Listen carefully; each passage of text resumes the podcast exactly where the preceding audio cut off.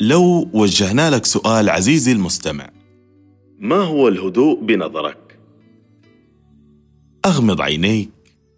استنشق واملأ رئتيك بهواء منتعش. تفكر قليلا حولك. انظر واستذكر أجمل لحظاتك.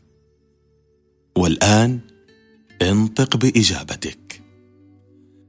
هذه حلقتنا الثانية. لنبدأ. أحيانا تمر أيام تعيش فيها صراع. صراع عميق بينك وبين نفسك. ممكن يوصل للي حولك. أهلك مجتمعك عملك عاداتك ومبادئك اللي انت متمسك فيها. وممكن يوصل لأبعد من هذا إذا ما توقفت وأخذت لحظة هدوء. كل شيء يا يتكرر أو في تجديد دائم. روحك وهوايتك حتى شكلك الخارجي. يحتاج إلى هدوء إلى لحظة من التفكر والتعمق والسكينة. تغمض عيناك لتجوب روحك عنان المجرات وتعود حاملة البهجة والطمأنينة. أتخيل أنك توقفت عن التفكير وعن القلق والشعور بالندم. جالس قدام البحر. أنت فقط وكل شيء في ثبات. هدوء يسكن أركانك. وأصوات الأمواج ترتب بعثرة أفكارك والمياه تحت قدميك ترفع سقف استرخائك. لا رغبات لا أفكار لا أحلام مخيفة لا رجوع للماضي ولا تفكير في الحاضر. جسد منهك وعقل يجد راحته وروحك تسبح حولك. فقط في لحظة هدوء تقررها أنت. فالهدوء ومضه داخل كل شخص تتوهج كل ما سقاها بالرجوع إليها فتساعد على العمل. تعلم الحب حب العائلة حب الأصدقاء. تجعله مقدرا لذاته.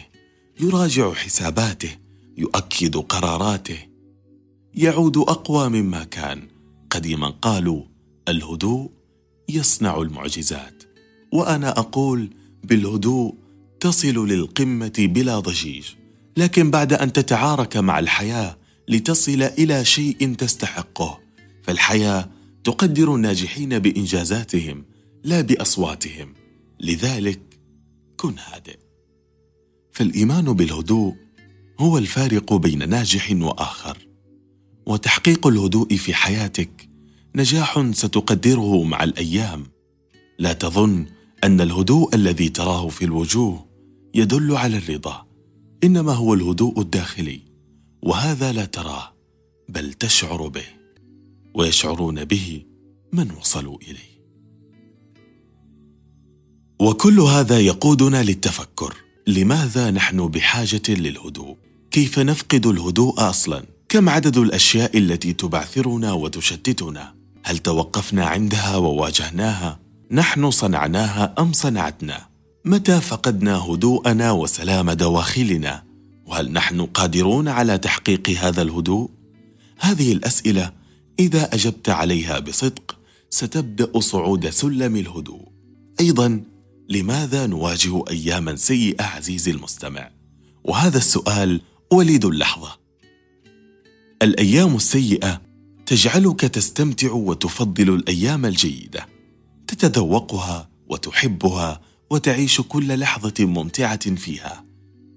في الحقيقة إنها سيئة فقط كما نتخيل فبالنسبة للبعض يميل لتقبل الظروف بشكل غير متناسب فعندما يحدث لنا شيء نتخيل غالبا أن حياتنا ستتغير إلى الأبد أو أنها انتهت تماما.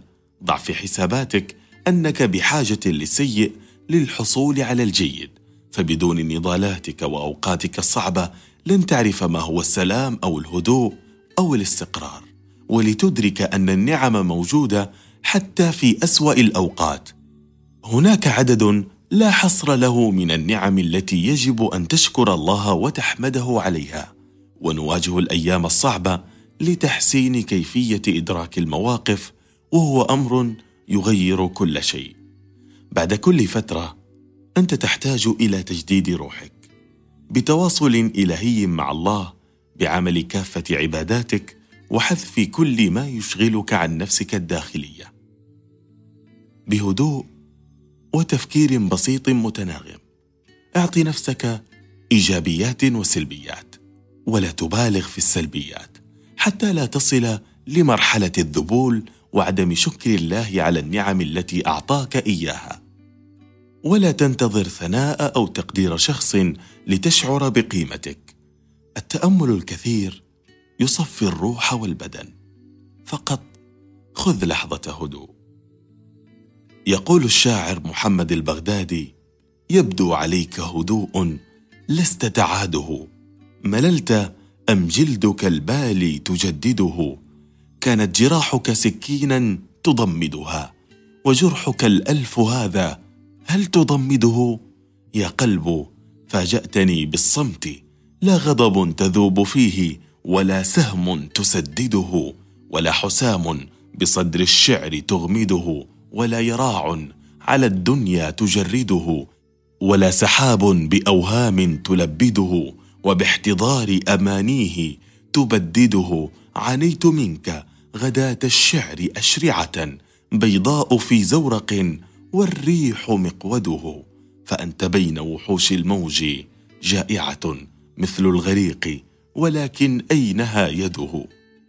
وأنت كالراهب المهجور معبده حتى ضباع الصحاري ليس تحسده.